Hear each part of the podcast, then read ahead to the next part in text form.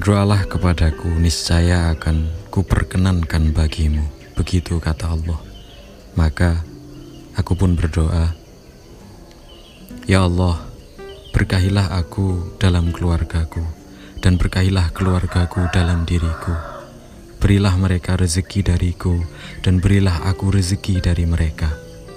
Kumpulkanlah kami sebagaimana engkau telah mengumpulkan sesuatu dalam kebaikan dan pisahkan kami sebagaimana Engkau telah pisahkan sesuatu dalam kebaikan.